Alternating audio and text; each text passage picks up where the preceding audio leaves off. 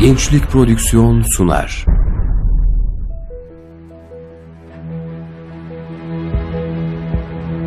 Bizim davamız İslam'dır.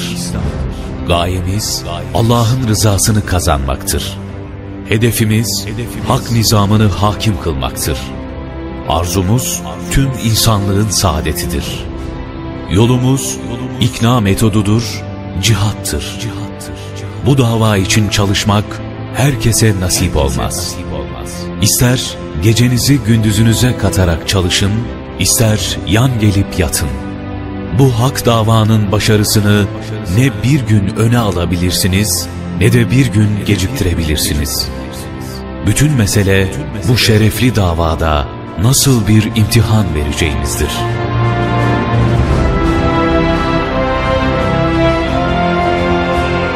Profesör Doktor Necmettin Erbakan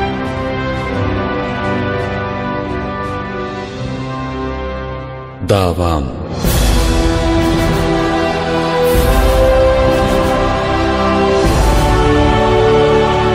Profesör Doktor Necmettin Erbakan'ın kendi kaleminden mücadelesi, hedefleri ve yaşadıkları. Seslendiren Arif Bildirici. Kayıt montaj Ali Güngör.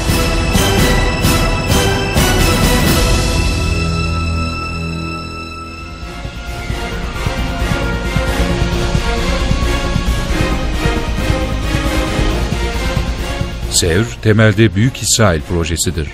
İngilizler Filistin'e bu toprakların kendilerinin olması için değil, arz-ı mev'uda dahil olduğu için burayı alıp İsrail'e vermek amacıyla geldiler. Siyonizm, Büyük İsrail'i kurmak amacıyla Sevr'i uygulayabilmek için 5 yıl uğraştı. Fakat daha 1919'da Kahramanmaraş'ta Sütçü İmam ve Rıdvan Hoca gibi milli kahramanlar öne çıktı.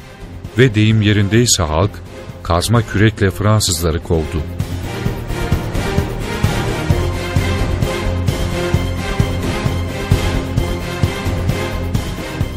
Yunanlılar 15 Mayıs 1919'da İzmir'e çıktılar ancak orada da Balıkesirli Hasan Basri Çantay ve Vehbi Çıkrıkçı gibi milli kahramanların öncülük ettiği büyük bir milli direnişle karşılaştılar.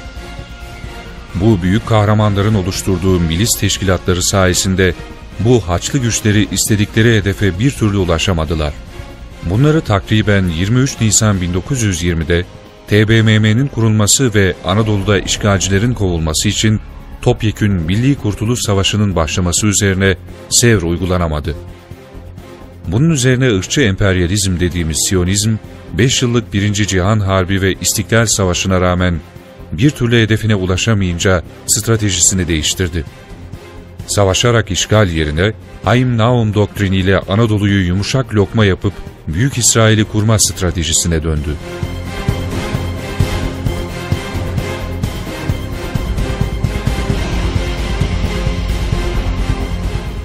Nitekim Mısır hahamı olan Siyonist Haim Naum'un İnönü'nün danışmanı sıfatıyla katıldığı 1923 yılında Lozan Antlaşması öncesinde Avrupalı dostlarına ve Mason loca şeflerine söylediği sözler bu stratejinin sonucudur. Naum, Avrupalı dostlarına şöyle diyordu. Yanlış yapıyorsunuz. Anadolu'yu işgal etmekle Müslüman Türkleri sindireceğinizi mi sanıyorsunuz? Hayır, Türkleri savaşla yıkamazsınız. Birkaç yıl içinde bu milletin yeniden dirileceğini, toparlanıp derleneceğini hesaba katmıyorsunuz. Öyleyse yapılacak şey, Lozan Antlaşması'yla bunlara bir fırsat tanıyıp, bu zaman içinde İslamiyet'ten uzaklaştıracak, din ve tarih şuurunu unutturacaksınız. Müslüman Türkler bir iman ve ahlak tahribatı süreci geçirmelidirler. Ekonomileri çökertilmeli, siyasi partilerden gazetelere hepsi ele geçirilmelidir. Yumuşak ve kolay lokma yapıldıktan sonra Türkiye parçalanıp Büyük İsrail'e katılmalıdır. Bu şartları yerine getirmeden Türk milletini tarih sahnesinden silmek mümkün değildir. Bu şartlar tekamül etmeden savaşırsanız kazanamaz, yenilirsiniz.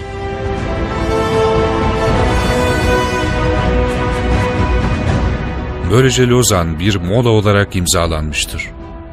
Siyonizm bir yandan Hayim Nahum doktrini uygularken, öbür yandan da hedefini gerçekleştirmek için şu planı adım adım yürütmektedir. İşbirlikçiler vasıtasıyla Türkiye, AB'ye girme teşebbüsleriyle yıpratılmakta, itibarı yok edilmektedir. Uygun zaman geldiğinde Türkiye özel statüyle AB'ye alınacak, hemen arkasından İsrail'in de AB'ye girmesi suretiyle Türkiye, İsrail'e aynı birliğin parçası olacaktır. Bunun ardından AB çok büyüdü. Orta Doğu'yu ayrı bir kısım yapalım denecek. Türkiye'nin de içinde bulunduğu bölge İsrail ile birlikte ayrı bir birlik, ayrı bir devlet olarak tanınacaktır.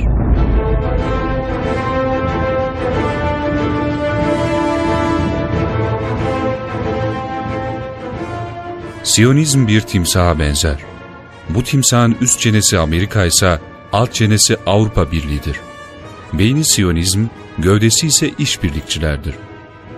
Türkiye üzerinde oynanan oyunları bilmek için milletimizin iki asırdır sürüklendiği batıllaşma macerasını ve Avrupa Birliği'ni iyi bilmek gerekir. 1980'li yıllardan itibaren milli görüş olarak bütün Anadolu'yu dolaşıp ortak pazarla ilgili konferanslar vererek bu birliğin gerçek mahiyeti noktasında Türkiye'mizi ve insanımızı uyarma görevini yapmıştık.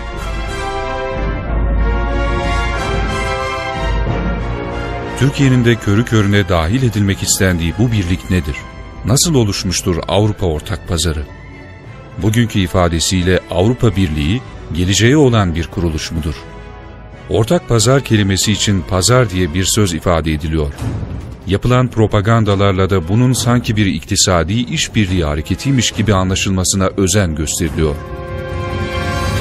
En baştan belirtmek gerekir ki aslında ortak pazar denen hadise bir iktisadi işbirliği hadisesi değildir. Türkiye'nin Avrupa Birliği'ne sokulması demek, 400 milyonluk bir Hristiyan aleminin içerisine 75 milyonluk Türkiye'yi götürüp bir vilayet olarak bağlamak, onların emrine sokmak, onlarla birlikte tek bir devlet haline getirmek hadisesidir. Hadise ekonomik değil, siyasidir ve ideolojiktir. Bundan dolayıdır ki, iktisadi meselelerin ötesinde çok büyük mana ve ehemmiyet taşıyan bir konudur. Haçlı seferleriyle elde edilemeyen sonuçları, bu isimler altında elde etmenin bir oyunudur. Avrupa Birliği'ne Türkiye'nin vilayet yapılmasıyla önce bağımsızlık ortadan kalkacak, çünkü onlar ne karar alırsa, Türkiye bir vilayet gibi baş üstüne diyecek. Kalkınma değil, en büyük tesislerimiz onların olacak.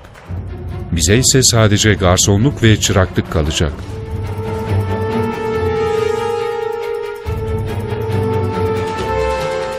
İşte bundan dolayı bu memleketin inanmış milyonlarca insanı Allah'ın izniyle ne yapıp edip taklitçi zihniyetlerin millete sormadan bir gürültüye getirip bu milleti Avrupa'ya vilayet yapma hareketine mani olacaktır.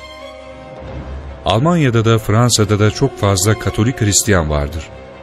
İkinci Cihan Harbi'nde bu iki Katolik toplum birbirini kıyasıya ezdi, biçti, doğradı. Harpten sonra Papa bu ülkelerin yöneticilerini çağırarak gelin bakalım buraya evlatlarım dedi. Bak bin yıldan beri hep birbirinizle harp ediyorsunuz. Katolikler olarak aranızda birbirinizi kesmeyi, öldürmeyi ortadan kaldırın. Nasıl olacak bunun çaresi? Bakınız nasıl ki Amerika ayrı ayrı devletlerdi, birbiriyle harp ediyordu, bir araya geldi tek devlet oldu, artık birbiriyle kavga etmez oldu. Siz de tek bir devlet olacaksınız ve artık birbirinizle kavga etmeyeceksiniz dedi.'' bugünkü Avrupa Birliği'nin kararıyla ilk defa 1954 senesinde Roma'da yapılan Katolik toplantısında Papa'nın tavsiyesiyle alınmıştır. Bu Katolik toplantısında Almanya Başbakanı ve bir Katolik olan Konrad Adenauer, Fransız Başbakanı Katolik olan Robert Schuman ve İtalyan Başbakanı yine bir Katolik olan De Gasperi, üç ülkenin başbakanları olarak iştirak ettiler. Bu üç başbakan üç yıl çalışarak 25 Mart 1957'de Roma Antlaşması'nı imzaladılar. Yani Avrupa Birliği'nin temeli Hristiyan medeniyetine dayanmaktadır.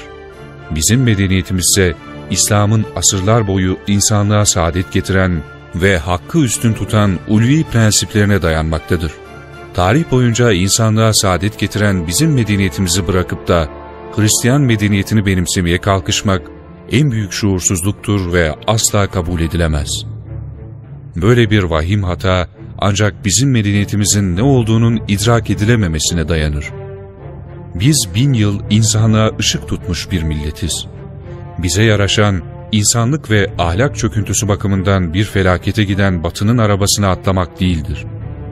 Bize yaraşan, Müslüman ülkelerle adil, hakka dayalı bir birlik kurmak, batıya da doğuya da örnek olmaktır. Bizim milletimizin vazifesi budur. Türkiye'yi götürüp illa Avrupa Birliği'ne sokacağız demek, sadece Türkiye'ye değil, bütün insanlığa kötülük yapmaktır. Çünkü kurtuluşun kapısını kapatıyor. İlla Avrupa diye tutturanlarla, üniversiteye giden kız çocuklarına başını açtırmaya çalışanlar aynı adamlardır. Avrupa'yı ilerici görüp İslam'ı gerici görenler aynı adamlardır. Adam kalkıyor, efendim Avrupa bizi Avrupa topluluğuna layık gördü diyor. Bu söz ve yaklaşımlar bütün ecdadımızın kemiklerini sızlatan ifadelerdir. Ne demek bu? Kimmiş Avrupa? Nereye girmemize layık görüyormuş? Biz tarihin en şerefli milletiyiz. Biz Avrupa'yı bir şeye layık görürüz veya görmeyiz.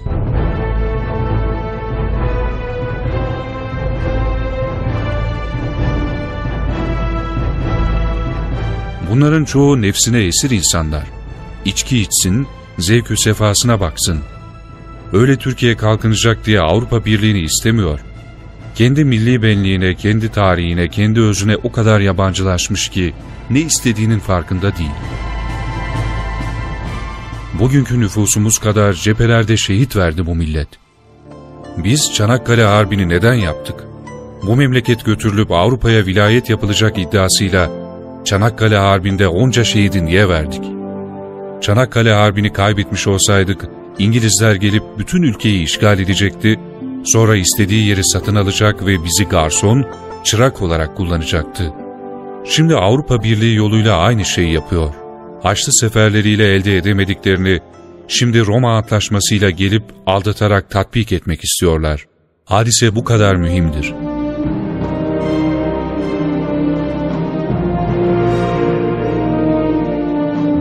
Bir gün haberlerde Belçika'da Türk Köyü diye bir köy gösterildi. Adı Faymonville. Haçlı seferleri düzenlenirken bu köyün halkı sefere katılmamış. Siz Türklerden yanasınız, öyleyse Türk köyüsünüz demişler bin sene önce. O günden bugüne kadar bunların adı Türk Köyü olmuş. Belediyelerinin önünde ay yıldızı var. Bu köyün futbol takımının formasının önünde de ay yıldızı var. Ama kendileri şarap içen, domuz eti yiyen insanların köyü. Bunu neden hatırlatıyorum? Bizim Süleyman Arif Emre Bey'in güzel bir sözü oldu. Hocam bunlar bizi ortak pazara sokup bütün Türkiye'yi o Belçika'daki köy haline getirmek istiyorlar dedi. Onun için söylüyorum. İnsanlıktan, haktan, adaletten, milli kültürümüzden, dinimizden hiçbir eser kalmayacak. Bundan ne bize ne de onlara hayır gelir. Çünkü biz bunların hakikisini kurup onlara da örnek olmak mecburiyetindeyiz. Bir an için Avrupa Birliği'ne girdin diyelim. Ne olacak? Bütün para Yahudinin elinde. Çıksa buraya gelse en stratejik, en verimli müesseseleri satın alır. Yani bugün senin sahip olduğun fabrika yarın bir Yahudi, bir Ermeni, bir Rumun olacak. Sen kendi fabrikanda muhasebeci olacaksın. Bugün bir turistik otelin sahibi, yarın onların garsonu olacak. Neden? Çünkü ortak pazarın sistemi öyle ki zengini zengin, fakiri fakir yapıyor. Onların fert başına düşen milli geliri seninkinin on katı. Bu fakir gidip de o zenginle ortak olduğu zaman zenginleşmeyecek, elindekini de kaybedecek. Zaten düzen sömürü düzenidir. Hiçbir fabrika kuramazsın, hiçbir sanayi tesisi açamazsın. Yarım asır Avrupa Birliği hayaliyle boşu boşuna geçirildi. Hiçbir sanayi kurulmadı. Bizim başladığımız ağır sanayi fabrikalarının üzerine tek bir taş koymadılar. Şimdi gidin süpermarketlere bakın. Başkent Ankara'daki markette Yunan mısırından yapılmış cipsler satılıyor. Bütün raflar Amerika'dan, Fransa'dan, İtalya'dan ithal edilmiş ıvır zıvırla dolu. Çünkü onlar ortak, biz pazarız. Hem de daha Avrupa Birliği'ne girmeden böyle. Girdik dedin mi her tarafta bunların malı gelip dolacak. Biz ne olacağız? Kendi fabrikamızda, kendi vatanımızda tezgahtar olacağız. Yok efendim biz de çalışırız. Bizim insanımız çalışkandır. Doğru ama mantar tabancasıyla da 42'lik topun karşısına çıkılmaz. Ama bir an için aksini düşünün. Biz Müslüman ülkelerle beraber bir ortak pazar kurduk. O zaman ne olacak? Bir buçuk milyarlık büyük bir İslam alemi var. Müslüman ülkeler Avrupa gibi doymuş değildir. Her türlü ihtiyacı açtır. Çünkü bugüne kadar sömürülmüş, hep geri bırakılmıştır. Bu ülkelerin içerisinde teknolojik bakımdan en fazla ilerlemiş ülkede Türkiye'dir. Türkiye öyle bir noktadadır ki, bugün birazcık gayret etse uçağını, tankını kendi yapar, fabrikalarını kendi kurar.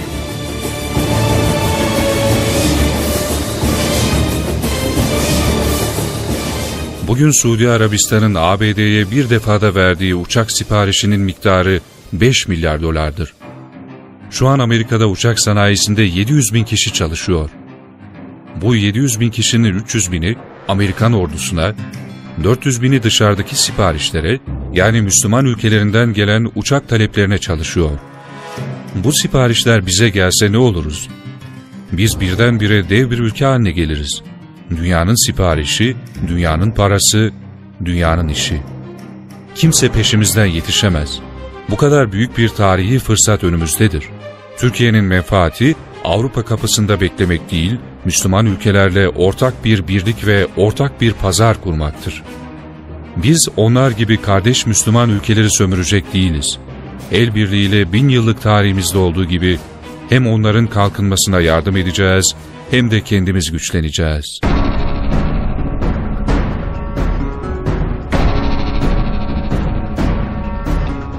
Asırların meydana getirdiği bu gecikme, Türkiye'nin öncülüğünde İslam aleminin büyük bir kalkınma hamlesinin sebebi olabilir. Bizimle rekabet edemezler. Bu gerçekleri dünya siyonizmi de biliyor. Hatta biz bilmiyoruz, onlar biliyor. Bildikleri için de senelerdir bizimle uğraşıyorlar. Biliyorlar ki Türkiye azıcık fırsat bulsa birdenbire güçlenecek. Bunu istemiyorlar. İstemedikleri için de hep Türkiye ile uğraşıyorlar. Yıllarca elhamdülillah kar kış demeden Anadolu yollarına düştük. Ortak pazar nedir, Avrupa Birliği nedir diye ilmi konferanslar verdik. 75 milyon insanımıza bu gerçekleri anlattık. Zaten insanımız bunu biliyor. Bu inançla bir kez daha söylüyorum. İslam Birliği muhakkak kurulacak. Hiç başka yolu yok. Biz bunu bugünden söylüyor ve ilan ediyoruz. İçimizde bu gerçeğe ters düşenler, yarın İslam Birliği kurulduğunda mahcup olacaklardır.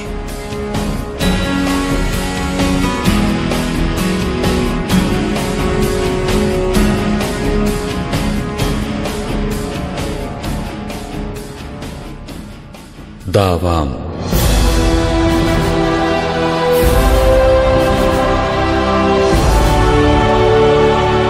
Profesör Doktor Necmettin Erbakan'ın kendi kaleminden mücadelesi, hedefleri ve yaşadıkları. Seslendiren Arif Bildirici. Kayıt montaj Ali Güngör.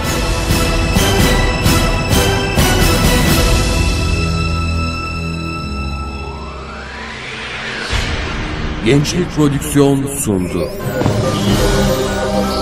0332 350 7801